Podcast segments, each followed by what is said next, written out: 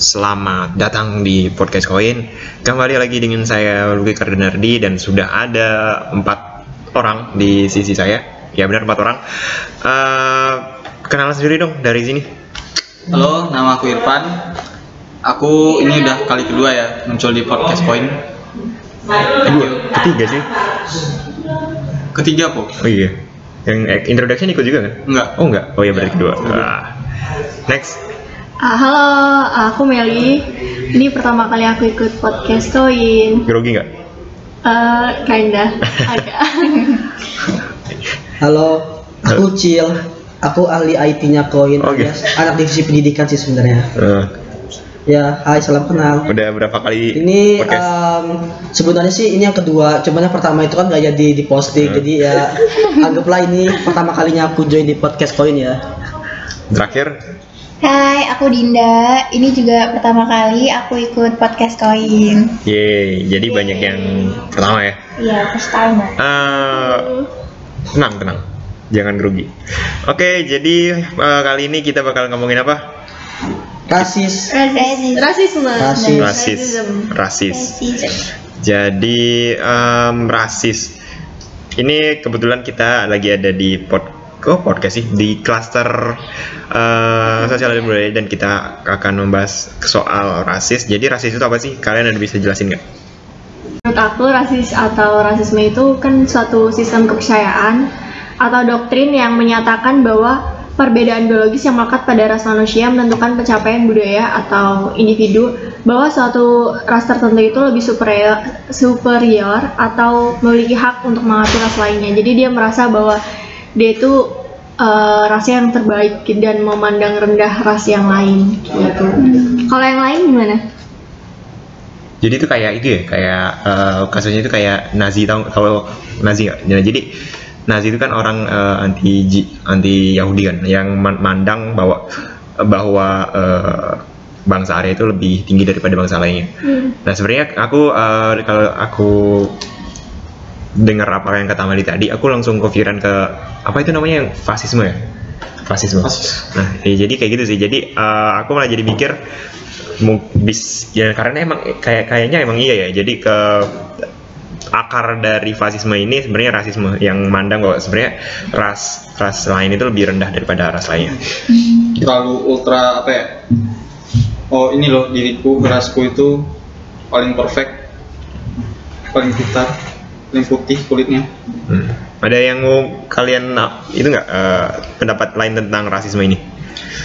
Eh, mungkin dari aku sendiri tuh sebenarnya aku lebih melihat bagaimana rasisme ini muncul mungkin lebih kepada sistem hierarki yang muncul pada dulu banget ya. Heeh. Jadi kita ngelihat kan gimana ya apa ya raja-raja atau orang-orang yang berada di kelas atas itu adalah orang-orang yang emang cenderung punya ras yang lebih tinggi dibandingkan ras yang lainnya.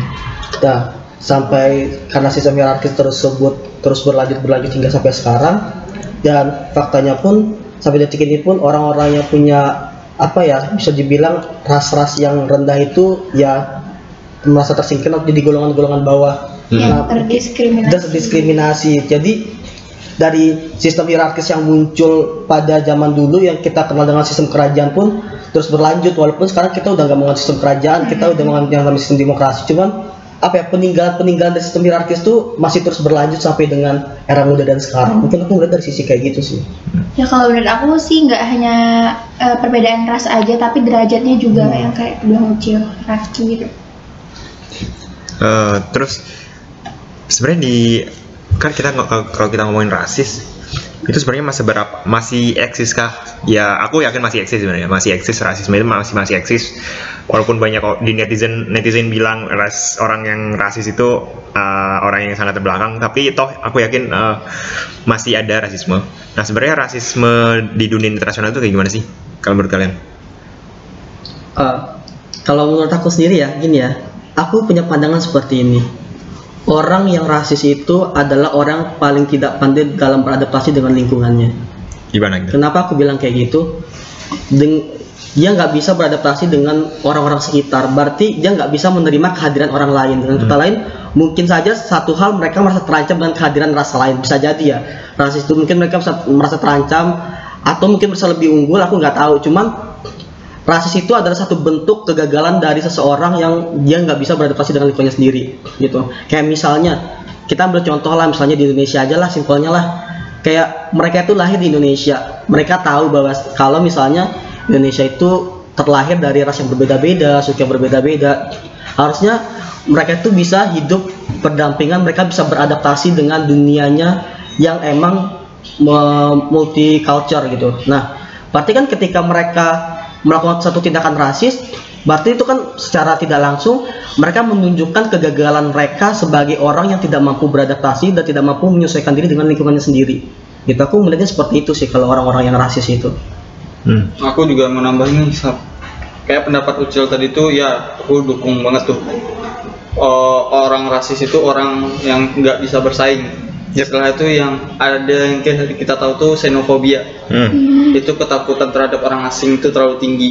Nah itu bisa kita lihat aja di Indonesia sekarang itu beberapa waktu belakangan gitu kan. Oh lu Cina Cina tuh Cina bakal menguasai kita gitu kan. Ya betul. Ya enggak juga gitu loh kan. Emang ini zaman dulu nancapin bendera Cina terus Indonesia jadi Cina gitu enggak kan? Berarti kan mereka, mereka merasa tersaing dengan Ah, hadirnya ras iya. lain gitu kan. Nah, berarti mereka nunjukin kalau mereka itu adalah ya mereka lemah gitu loh. Mereka nggak bisa lebih kuat dari yang lainnya gitu. harusnya mereka itu apa ya motivasi buat lebih baik gitu kan Nah, ya itu salah satunya sih mungkin. Tapi di lain sisi itu ya. Oke, eh, aku sebenarnya setuju eh, rasis ya emang harus dihilangin. Cuman gini, eh, sebenarnya kalau kita ngomongin xenofobia itu bukan hal yang gratis. Maksudnya ada penyebabnya di situ ya. Eh, jadi gini, eh, misalnya di Eropa, di Eropa sempat ada xenofobia yang yang mereka takut ada akan kehadiran orang dari Timur Tengah kayak gitu. Eh, tapi kan mereka takut atau eh, kita bisa juga bilang juga anti terhadap orang Timur Tengah, mereka juga punya alasan. Kenapa? Karena eh, orang Timur Tengah yang identik sama terorisme. Sebenarnya ya emang ya emang ini wajar kan. Kita nggak bisa nyalain mereka takut. Kalau aku pikir aku kita nggak bisa nyalain mereka mereka, takut sama orang Timur Tengah ya karena emang teroris teroris kebanyakan orang emang orang orang Timur Tengah kok. Iya. Dan yang aku pikir itu eh, jadi aku pikir itu hal yang beralasan itu. Gimana tuh? Ya tep- tapi tetap aja kalau menurutku kita nggak bisa nggak bisa ini mengeneralisir semua orang atau Hmm. Ngasih stereotype gitu kan ke semua orang misalnya nih orang Padang pelit. Emang semua orang Padang pelit? Hmm, enggak kan? Enggak. Banyak tuh yang dermawan juga.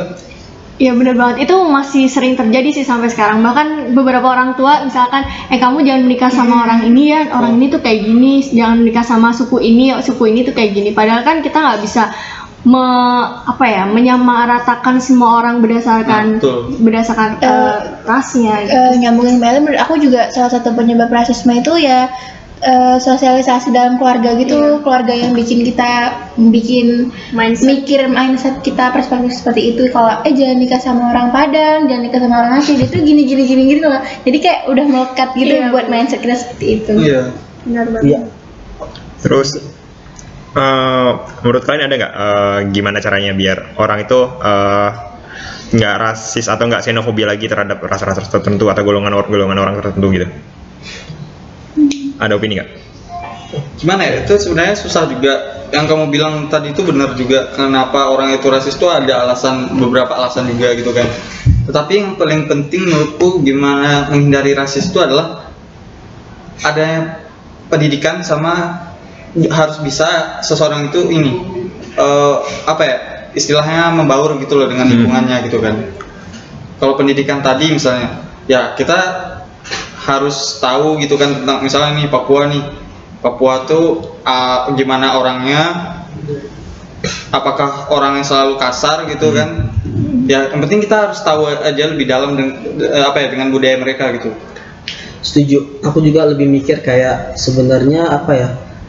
Setiap orang itu harus bisa membaur, harus bisa hidup secara berdampingan.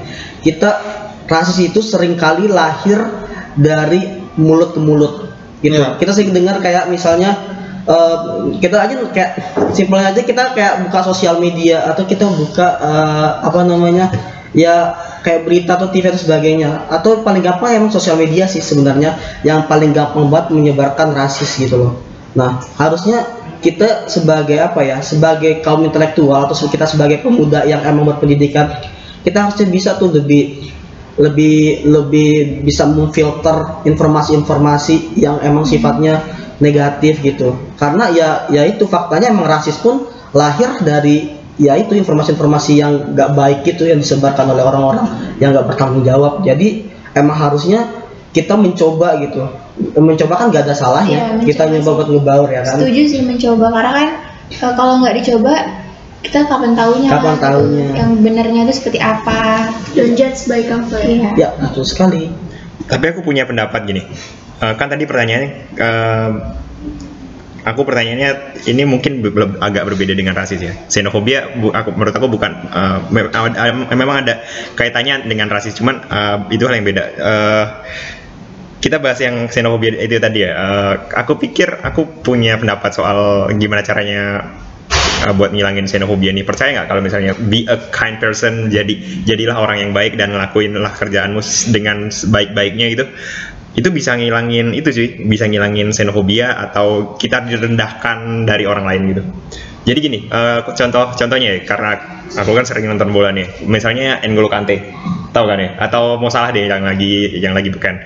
Nah, itu dia jadi secara personal dia kan baik dan secara prestasi dia juga, dia juga baik banget dan kebetulan dia juga seorang orang Mesir orang Timur Tengah dan dia orangnya taat juga dan dia orangnya eh, intinya orang yang baik lah. Nah si Mo Salah ini dari eh, dari berita yang pernah aku baca dia itu dia itu eh, banyak media yang bilang sebenarnya si, si Mo ini dia berhasil mengurangi xenofobia atau eh, stigma-stigma yang negatif terhadap orang Islam terhadap orang Timur Tengah. Dan gitu juga N'Golo Kante dengan orang yang sederhana orang yang baik orang yang murah senyum kayak gitu jadi gitu sih intinya eh, aku pikir buat ngilangin gimana caranya biar ras tertentu atau golongan tertentu itu dicap negatif oleh orang-orang yang punya derajat tinggi itu nge- ngelakuin kerjaannya dengan baik dan be a good person gitu aja sih ini Kalau komen aku sih sedikit berbeda ya. Heeh. Be good person itu takaran itu nggak ada. Gimana? Kita Beda. cara ngecap orang, oh kamu tuh baik, gitu kan. Baik. Tapi ini, ini tuh mindset. Hmm. Jangan kita tuh eh, ini berpikiran punya mindset gitu kan. Oh kita nih, aku nih orang Padang gitu kan, jago nih dagang. Lah, bukan gitu konsepnya gitu kan. Hmm. kok kenapa orang Padang dicap bisa jago dagang ya karena memang banyak dagang gitu loh dan aku belum tentu bisa Bisa bisnis dagang dagang. gitu loh Hmm. dan jangan punya pemikiran yang superior kita paling hebat gitu. Itu sih kalau menurutku. Mindset mindset seperti itu. Mungkin apa ya aku kalau di sini lihat? Menjadi orang nasionalis mungkin lebih ini. Gini, gini maksud kenapa aku bilang nasionalis? Ketika orang yang punya jiwa nasionalis pasti mereka bakal patuh yang namanya falsafah atau pedoman hidup bangsanya sendiri. Contohnya aja Indonesia nih. Indonesia punya namanya Pancasila Pancasila sila sila keberapa ya sila pertama ya persatuan Indonesia ya kedua Eh, Kedua. persatuan eh, persatuan Indonesia itu keberapa ya? Ketiga ya? Ketiga cuy, ketiga men. ketiga. Ketiga ya, sorry ya. Sorry ini maksudnya tiba-tiba mikir kan agak bingung Ya. gitu kan ya. Ketiga contohnya di ketiga persatuan Indonesia. Persatuan Indonesia itu artinya apa sih? Ya itu seluruh masyarakat yang berbeda-beda yang ras budaya beda bersatu gitu. Nah, ketika seseorang yang punya jiwa nasionalis, mereka pasti bakal patuh sama yang namanya falsafah atau pedoman hidup bangsanya sendiri. Nah, ketika mereka udah patuh sama sama Pancasila, pasti mereka bakal bisa ngilangin namanya rasis. Mereka patuh namanya Persatuan Indonesia itu. Itu itu bukan sebuah apa ya, bukan solusi yang mutlak, tapi itu mungkin bisa jadi salah satu solusi yang bisa dipertimbangkan. Walaupun memang itu kembali lagi kepada individunya masing-masing, gitu. Kita nggak bisa memaksakan suatu konsep kepada individunya. Itu kembali kepada mereka bagaimana mem- mereka mempercayai sebuah konsep itu sendiri. Aku sih kayak gitu sih. ya yang bilang lu ah justru ada benernya juga tapi itu konteksnya untuk orang Indonesia gitu kan Iya, kalau nah kalau secara general di seluruh dunia pun ya kita harus menghilangkan apa mindset mindset bahwa kita lebih hebat dari orang lain itu Ya. Hmm. Ya. Teman-teman Ya, benar. Eh, I'm second that. Eh, jadi ya itu berlaku. Ya kita itu itu berlaku kalau buat ngingat-ngingat bineka tunggal kita bineka tunggal ika kita sama-sama Indonesia itu orang, orang yang sama bersih itu itu berlaku ya itu bagus buat eh, ngilangin ngilangin apa ngilangin ngilangin pembatas ras gitu antara misalnya antara aku dengan orang Padang antara aku dengan orang Papua. Tapi eh, itu biasanya karena gini eh, dasarnya sebenarnya dasarnya sebenarnya rasisme itu das, ini ya aku aku aku percaya itu hal itu bagus. Cuman da- dalam ukuran atau takaran yang pas gitu jangan berlebihan juga. Karena aku pikir eh, ya rasisme itu timbul dari kecintaan yang berlebihan akan bangsanya atau rasnya. Ya, kayak gitu. setuju sekali. Jadi ya ya ya gini aku orang Indonesia. Ya udah aku aku orang sebagai status orang Indonesia. Aku tidak bukan aku artinya aku nggak cinta Indonesia ya. Aku aku nggak cinta Indonesia Indonesia secara berle- berlebihan gitu loh. Aku nggak menganggap orang Cina itu lebih rendah dari aku. Aku nggak menganggap orang Papua Nugini le- lebih rendah dari aku. Dan aku pikir hal itu yang eh, yang perlu ditanamkan. Ya, betul. Ada level tersendiri. Yep, tuh. Aku juga melihat apa ya eh, sebenarnya ya yang seperti yang dibilang ras itu lahir yang pertama itu dari yang namanya etnosentrisme. Hmm. satu bentuk apa ya kecintaan yang berlebihan kepada eh, ya etnisnya sendiri rasnya sendiri. Terus yang kedua adalah tindakan kolektif secara berlebihan. Hmm. maksudnya yaitu eh, ketika seseorang itu punya kolektivitas yang sangat tinggi mereka bakal mementingkan grupnya sendiri gitu loh. Dan mereka tidak membutuhkan grup orang lain. Gitu. Nah itu dua hal itu menurutku menjadi menjadi salah satu penyebab pemicu lahirnya uh, rasisme. gitu. Nah, sometimes aku kadang berpikir sih uh, lebih baik hidup individualis dan tidak mempedulikan kehidupan orang lain. Itu bisa salah satu hal untuk menghindari menghindari uh, yang namanya rasisme. Ya Agak ya ekstrim ya. ya gimana ya? Tapi gimana kita iya tapi ketika kita lihat gitu loh ketika kita terlalu sibuk memikirkan urusan orang lain ya itu kita selalu merasa kayak ih dia bisa kayak gini kok gua bisa kalah ya jadi gua kayak jadi kita seakan-akan ngerasa kayak gua nggak bisa kalah sama dia gitu loh nah itu makanya Ke-trigger. jadi Iya, ke-trigger trigger, kan benar-benar, walaupun benar. emang satu sisi positif tapi sesuatu yang berlebihan baik lagi sesuatu yang berlebihan itu bakal nyebabin ya itu yang namanya kamu terlalu membanggakan diri kamu ataupun uh, kelompok kamu sendiri Tapi ya itu juga bisa jadi motivasi nggak sih? Iya. iya tapi, Iya, Tapi gini, berlebihan aku banget nangkapnya yang dibilang. Yusril ya. Aku nangkapnya gini, masalah kolektivitas gitu kan. Apakah kita lebih baik hidup sendiri individualis atau enggak gitu kan? Sebenarnya enggak juga gitu loh. Ya namanya kita manusia ya, kita nggak bisa individualis gitu kan. Nah, aku yang nggak setuju itu tadi ini uh, kolektivitas kolektivitas itu uh, ini mendorong terjadinya rasisme. bukan sih tapi yang berlebihan sih lebih Hmm. Ya, sesuatu yang berlebihan memang kayak itu sih. Ah, Iya. Jadi ini contohnya nih kita kita nih di koin gitu kan. Oh kita ada saingan nih, ada KSM KSM lain gitu kan. Nah itu bukan bukan kita ini ya uh, bermaksud uh, kita lebih baik gitu kan? Enggak. Kita punya bidang kajian yang berbeda, suatu uh, acara-acara yang apa tipenya beda-beda gitu kan. Ya, kita nggak bisa bandingin itu. Nah semua ras juga kayak gitu gitu loh. Jadi kembali lagi bagaimana kita mengatur mindset tadi. Jangan terlalu melebihkan diri kita daripada orang lain. Gitu. nah Setuju. Oke, ya, ya, ya itu opini opini dari, kita semua tadi. Nah, karena sebenarnya ini podcast Oin cuy. Jadi, jadi harus ada IO-nya kan. Nah, jadi ada nggak sih organisasi yang yang ngurusin rasisme ini? Eh, nih, jadi ada OI yang fokusnya itu memerangi rasisme. Jadi di sini ada IMADR yaitu International Movement Against All Form of Discrimination and Racism. Jadi ini tuh NGO eh, di mana tujuannya itu untuk menghapuskan diskriminasi, rasisme, terus eh, membangun solidaritas internasional di antara minoritas yang didiskriminasi dan memajukan sistem HAM internasional. Ini itu eh, NGO yang awalnya itu adanya di Jepang dan sekarang juga sekretariatnya di Jepang. Tapi kalau di Indonesia belum ada ya. Belum ada, cuman ke Ke- ada dua, jadi ada di Jepang sama ada di Jenewa. Nah gitu. Terus eh, IMADR ini juga dalam status eh, konsul konsultatif gitu dengan ECOSOC, Ekonomi Sosial Konsilnya PBB. berarti masih di bawah BB ya Em, kerjasama gitu nggak Iya. sih? Kerjasama. Aji. Kerjasama, Oh, tapi kerjasama, NGO ya. tapi kerjasama. Ekosoknya di bawahnya PBB kerjasama sama Hmm. si Oh. IMADR ini. Kerjanya gimana tuh? Jadi kerja ngapain aja emang itu ya Kayak cu, itu itu kerjanya gimana? Eh, apakah mereka itu cuman campaign? eh, jadi- Nah, jadi kalau kita ngomongin ekos- ekosok nih, eh kok ekosok apa tadi namanya? Eko sok bener. Kok Ayam. ekosok? Oh iya IMA DR.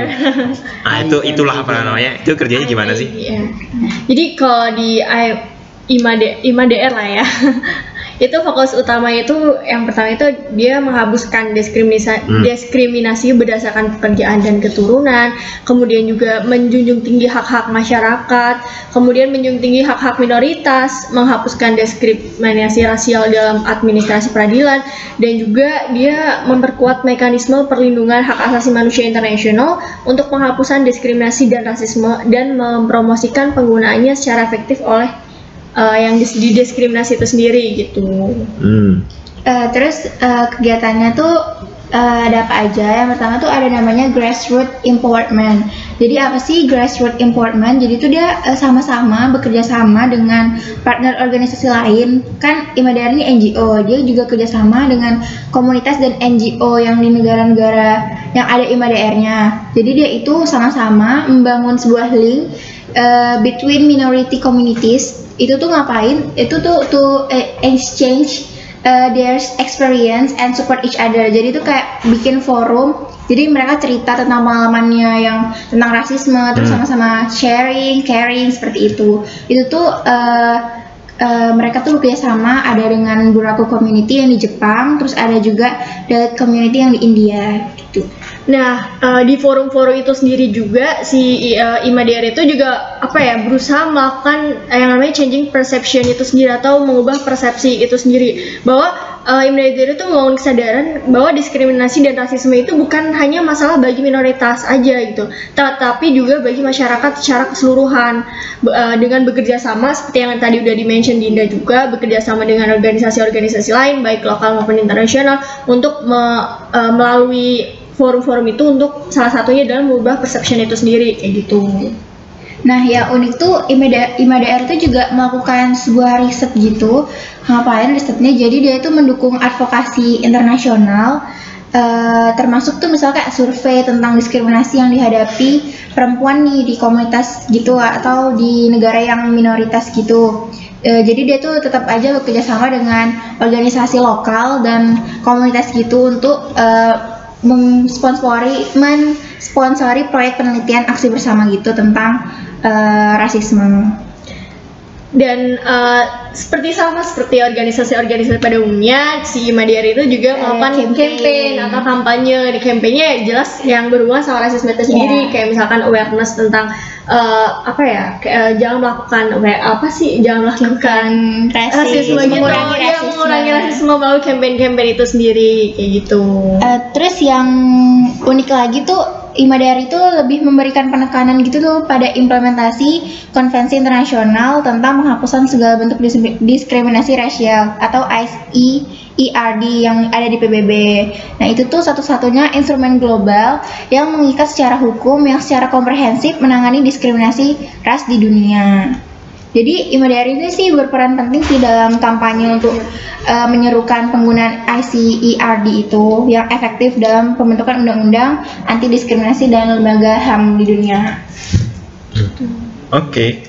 Ya jadi itu uh, gimana gimana apa tuh namanya 5 FDR IC ICE I- IC IMA di I M A D R. IMADR aja. IMADR oke, oke, IMADR. IMADR, oke, IMADR. IMADR. Oke, jadi itu caranya IMADR. Cuman kalau nih ya, bahkan aku baru kalau nggak ada kalau nggak ada podcast ini pun aku sebenarnya nggak nggak nggak tahu kan. Iya benar. Nah, mungkin ya kerja kerja ya dia udah kerja udah kerja semaksimal mungkin cuman buat campaign buat campaign kan kita butuh apa ya butuh begitu butuh semakin semakin orang terpandang itu biasanya orang tuh semakin di- didengar kan.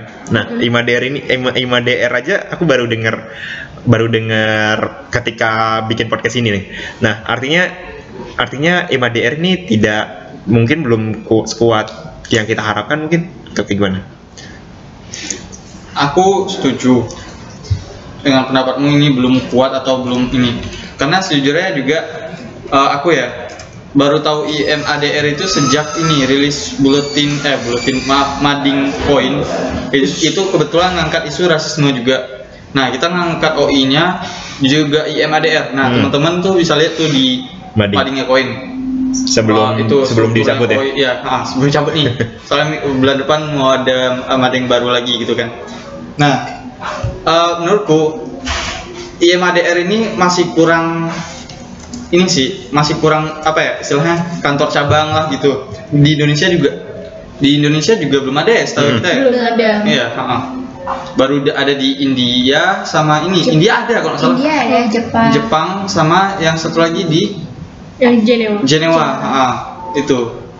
Eh, sebenarnya mostly sih IMADR ini lebih banyak bergerak ke negara-negara yang banyak mengalami rasisme Ekstrim. Ah, ekstrim Oh, gitu. ya jadi nggak heran ya ini. Iya.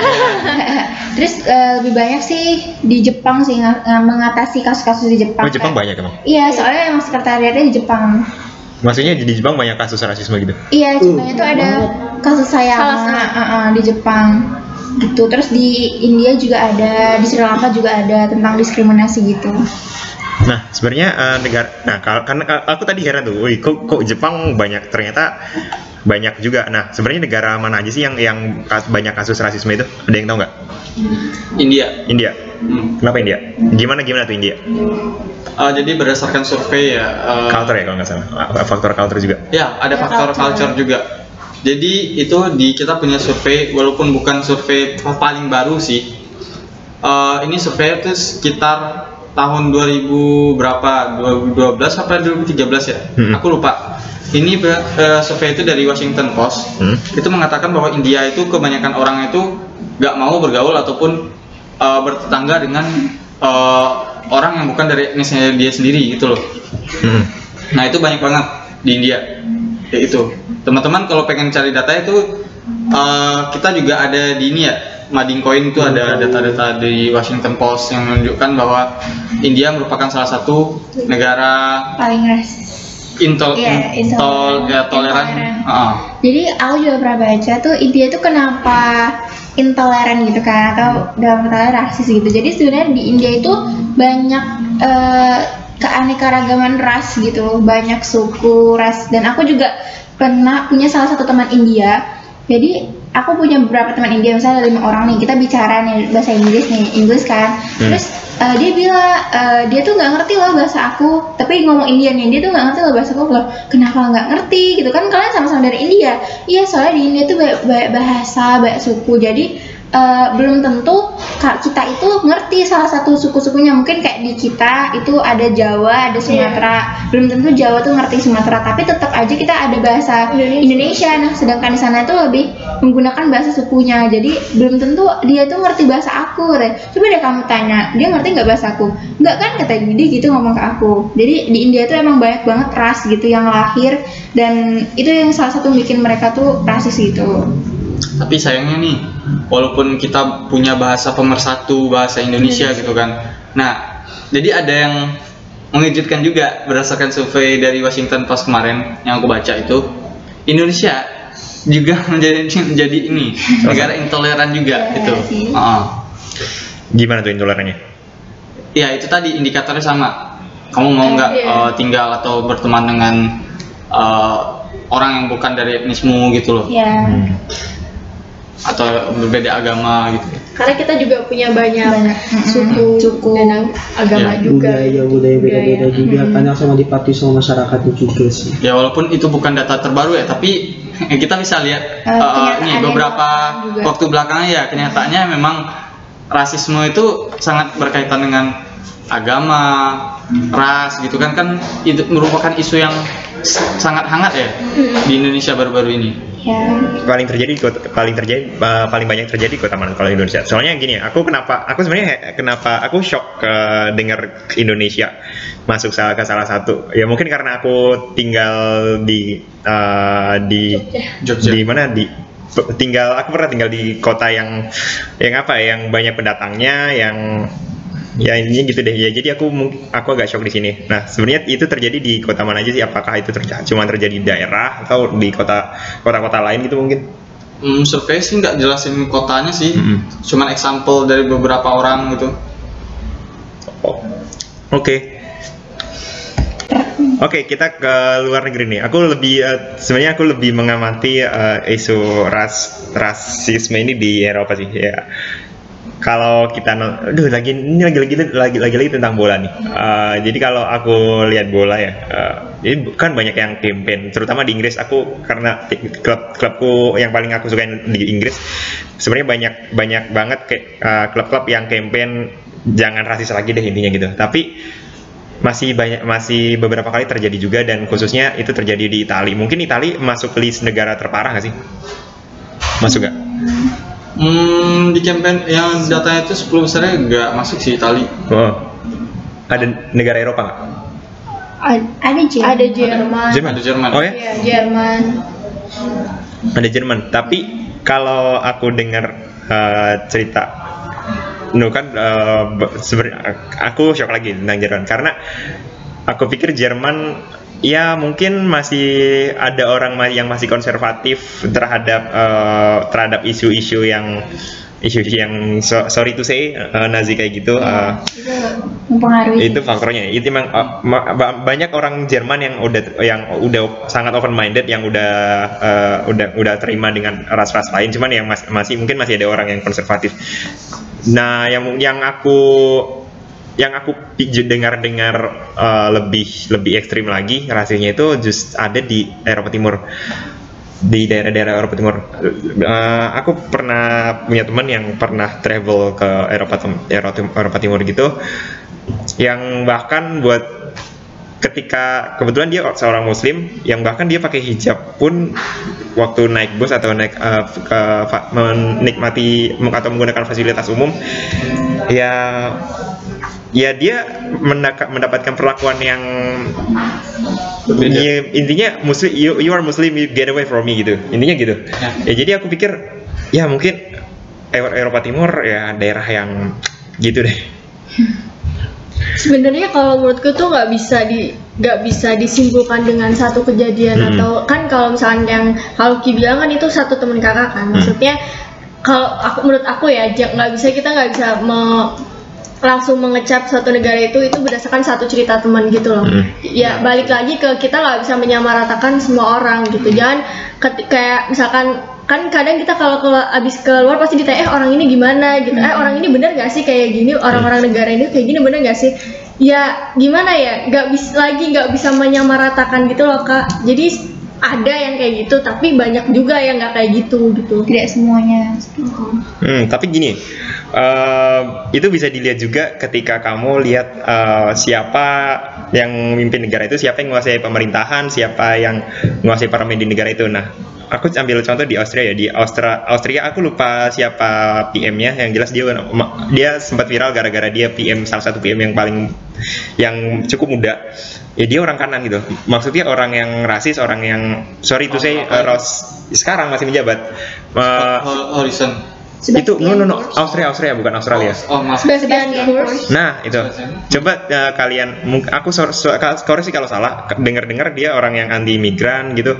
Karena ya kalau aku baca berita koran langgananku yang yang yang aku langganan mungkin dari koran yang lain beda karena kepentingannya juga beda. Yang aku baca dari koran lang- langgananku ya Eropa aku aku di di apa di pikiranku negara negara-negara Eropa yang cukup rasis eh, itu ya negara Eropa Timur Hmm. gitu. oke Ya mungkin ini sih. Oh, negara mereka kan juga dekat sama Timur Tengah. Mm-mm. Hmm. Nah, mungkin ya itu salah satu pengaruh dari ini sih yang kamu bilang kenapa rasis itu beralasan ya karena ketakutan terhadap kejahatan-kejahatan gitu seperti itu terorisme. Mm-mm. Ya itu bisa dimaklumi sih, tapi ya aku tetap jangan mengeneralisir semua etnis gitu. Ya. Tapi tapi gini, apa dari segala cerita kita tadi keliling-keliling dari Jepang, dari India, ke, terus ke Eropa sekarang Oh ya, capek nih Nah, di Indonesia juga tadi uh, poin yang aku dapetin sebenarnya rasisme ini terjadi di di hampir semua negara sih. Yes. Ya, se- semua Pasti. belahan dunia. Walaupun negara itu ya negara yang ramah ya, tapi rasisme itu tetap ada. Yes. Nah, itu yang jadi perhatian besar kita karena kita lahir tidak bisa memilih dari mana dari ras mana kita berasal gitu kan ya. Ya, jadi ya aku pikir aku harap yang pendengar podcast ini eh, menghilangkan jauh-jauh menghilangkan jauh-jauh uh, ideologi-ideologi rasisme kayak gitu ya Ya, Satu kata penutup nih. ya ini kesimpulan kali ya. Ya. Kesimpulan. Bukan kesimpulan juga sih, nggak tahu nih kesimpulan nggak tahu ya. Tapi aku Reminder. yang aku dapat dari diskusi hari ini tuh rasis itu ya terjadi karena semua orang. Mm-mm. Kenapa aku bilang gitu? Di satu sisi kita gak pengen rasis nih, tapi di satu sisi kita takut berteman dengan orang di luar etnis. Mm-mm. Misalnya ini oh, orang mana gitu, terus dia terkenal galak atau eh, jahat gitu kan, kasar gitu kan. Nah, jadi untuk menghilangkan rasisme itu ya dari semua kita. Maksudnya kita bareng-bareng menghilangkan rasisme itu Ya. nggak bisa dari di- diri kita sendiri maksudnya itu bukan hanya diri kita sendiri gitu loh kita udah bener nih menghilangkan konsep bahwa- atau mindset uh, kita bukan ras yang paling hebat. Nah nggak udah. Terus tapi ketika misalnya nih aku mencontohkan umat muslim yang di- dicap teroris gitu kan. Kenapa umat muslim tidak memperbaiki citra juga? Hmm. gitu loh. Jangan melakukan tindak-tindakan uh, kasar gitu kan. Ini bukan aku mengeneralisir semua umat Islam juga ya tapi beberapa kelompok itu terkenal apa ya? Sedikit ekstrim gitu kan nah kena untuk memperbaiki citra Islam tadi itu ya bisa jadi eh, Muhammad Salah tadi Hmm. itu salah satu contoh yang bisa kita ambil gitu loh untuk memperbaiki citra Islam itu sendiri gitu Aku juga mau nyampein pesan dong buat siapa pun yang nanti dengerin podcast ini. em, ayo dong kita hidup bertoleransi. Ya. Kit- apa ya hidup hidup dalam keberagaman itu indah. Buktinya Indonesia kita punya banyak culture, banyak suku, banyak budaya dan kita dianggap oleh dunia salah satu negara paling kaya dan akhirnya banyak negara yang datang ke Indonesia cuman buat pergi liburan, wisata, memperdalam culture atau dan sebagainya. Nah, berarti em, menjadi negara yang multicultural itu menurutku adalah sesuatu yang hebat, sesuatu yang gak semua negara bisa milikin itu gitu. Itu yang pertama. Yang kedua itu be kind of person. Jadilah orang yang apa ya? Orang yang baik, orang yang bisa menghargai orang lain karena kita pun juga belum tentu bisa lebih baik dari orang itu dan orang itu mungkin dan sebaliknya gitu. Jadi jadilah orang yang bisa menghargai setiap uh, kerja keras ataupun mungkin perbedaan itu yang dihargain. Terus yang ke- yang terakhir pesan aku adalah setiap kali kita berinteraksi dengan siapa pun, entah itu dengan orang dengan dari suku yang berbeda atau daerah yang berbeda atau negara yang berbeda, jangan pernah merepresentasikan satu kelompok kamu, jangan pernah kamu mempresentasikan kamu sebagai orang Minang, jangan pernah kamu mempresentasikan presentasikan diri kamu sebagai orang Jawa, orang Kalimantan ataupun orang Indonesia. Jadi ketika kamu berinteraksi jadilah representasi diri kamu sendiri gitu. Jangan pernah tunjukkan jangan pernah nunjukin gue orang Minang gitu loh. Atau gue orang Jawa jangan pernah. Jadi gue Yusril gitu. Gue Yusril halo Gua lu siapa? gitu. Lo Lucky gitu. Ya udah cukup enough gitu sampai di situ. Jangan sampai ketika kita nunjukin siapa kita gitu? Dari kelompok mana kita itu malah nunjukin kita sebagai orang yang rasis gitu. Cukup enough perkenalkan diri kamu sendiri aja gitu. Itu mungkin pesan yang bisa aku sampein buat teman-teman yang mungkin bakal dengerin podcast ini. Yeay. Bener banget, bener kayak Yusuf, jangan underestimate, jangan pernah underestimate orang lain, apalagi kalau kalian belum kenal mereka, kalian cuma kenal, oh mereka dari suku ini, oh mereka dari ini gitu, kalian langsung underestimate, oh orang ini kayak gini, jangan pernah kayak gitu, karena again setiap orang berbeda-beda, kenali uh, mereka uh, sebagai diri mereka, bukan sebagai suatu perwakilan suatu uh, daerah atau suatu suatu ras gitu, karena ya setiap orang punya apa ya punya pemikiran yang berbeda. Bukan bukan uh, mereka ras ini terus jadi kayak gini kayak gitu. Itu sih. Aku terakhir sih eh, don't judge the book from its cover. Asik. Intinya. itu kata-kata mutiara yang sangat mendalam iya itu simple tapi, Tapi itu bener Bermakna. mendalam banget Tapi masalahnya kalau kita ke toko buku yang kita lihat covernya dulu. itu beda cerita ya mungkin ya beda cerita ya eh sama lihat belakangnya nggak sih biasanya harganya. Harga harganya sih yang paling penting rata-rata sih itu sih Penting sekali Oke, eh, oke nih. Sebenarnya udah cukup ya Mas Aing. Udah ada yang mau nggak ada yang mau disampaikan lagi kan? Enggak. Oke. tadi udah closing gak sih Eh, jauhkan rasisme jauhkan rasisme. Rasisme itu tidak penting. iya Rasis, rasis, rasis tidak penting. Nah, kind of person nah eh, sebenarnya nih ya Rasis selain itu buat orang-orang yang berpengetahuan Tangkal sih. Nah, sebelum kita aku close, eh, ada pengumuman penting nih, yaitu tanggal 18. Wis. Nah, apa tuh? Apa Ayo dong. Oh, langsung aja nih. Langsung dong. Halo guys, ya masa gue balik lagi akhirnya. Iya. Jadi aku balik lagi nih ngomong ini berarti tadi yang terakhir ya, ini yang terakhir nih mungkin nih. Jadi em, kita nggak pernah bosan-bosan nih buat ngajak teman-teman semua karena kelompok studi mahasiswa kajian organisasi internasional kita bakal ngadain yang namanya IOS Fest. Yeay. Jadi IOS Fest atau International Organization Studies Festival itu mungkin udah dijelasin di podcast sebelumnya mungkin ya, Iya. Kak, ya. Ah. Mungkin aku lebih memperjelas lagi nih. Kita masih sampai dengan hari ini kita masih buka pendaftaran buat iOS Fest. Kita bakal buka pendaftaran sampai dengan tanggal 16 Oktober 2019. Itu kalian cukup cukup bayar 50.000 aja atau mungkin Cuma lima ribu, 50 ribu dong. Murah gak sih? Gila. Gila sih.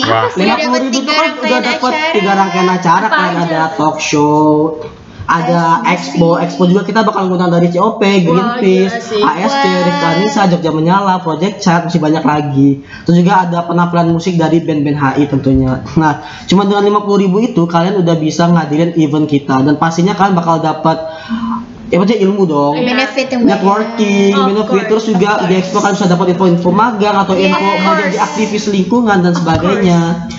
Dan juga eh, kita juga ada yang namanya essay competition nih, Wah, sama sih. fotografi competition. Nah, Wah gila sih. info yang paling penting banget kita masih buka pendaftaran atau pengumpulan essay sampai dengan tanggal 14 Oktober 2019 lebih tepatnya Senin besok nih. Nah, jadi Benar banget. sayang banget kalau teman-teman semua nggak ikut karena event ini cuma diadakan setahun sekali oleh KSM Coin Bener gitu. banget. Jadi kalian semua harus daftar dan kita tunggu kalian semua tanggal 18 Oktober di ruang seminar visit. Jangan lupa. See you there. Tiketnya bisa habis gak? Buat kalian yang datang juga Iya. ada door prize-nya. Oh iya. Oh my god. Wah, Door prize-nya. Keren-keren banget pokoknya Wah, dari produk-produk ternama jadi Bener. kalian gak bakal nyesel. Bener. Dan oh satu informasi penting lagi Kemarin tuh udah banyak banget yang daftar guys, jadi kemungkinan kuota kita udah terbatas banget. Jadi sekarang tuh main cepet-cepetan, karena kuotanya udah tinggal dikit. Dan juga aku mau ngasih info yang udah kemarin udah daftar dan kalian juga udah bayar. Kalian nanti bakal dikirimin etiket dari panitia dan nanti kalian harus nunggu, harus nunjukin etiketnya sama panitia di meja regis gitu. Jadi itu penting banget ya. Jadi kalau nanti kalian ada yang belum dapat etiket tapi kalian udah bayar, kalian boleh kontak bang, itiket. etiket, etiket. Oke, sorry. Maaf ya. Jadi nanti yang belum dapat etiket kalian bisa ngehubungin uh, panitia dari KSM Coin gitu. Yay, see you there. Ditunggu ya di Yoskes 2019. Sampai jumpa. Oke ya. Nah itu jadi eh, jadi kalau kalian nggak punya agenda bisa beli tiket iOS Fest atau kalian punya agenda ya kosongin aja agendanya tetap datang aja. Iya dong harus setahun sekali. Tahun gitu. sekali tidak ada lagi iOS Fest tahun ini cuman ada di tanggal 18 daripada kalian rugi mendingan kalian dapat. Oke, aku rasa itu dulu untuk hari tech, tech podcast hari ini dan itu dari kami tadi kita bahas udah bahas tentang rasisme dan juga kita bahas tentang iOS Fest yang kalian harus harus datang. Itu dulu dari kami sampai jumpa di episode selanjutnya. Bye. See you. See you.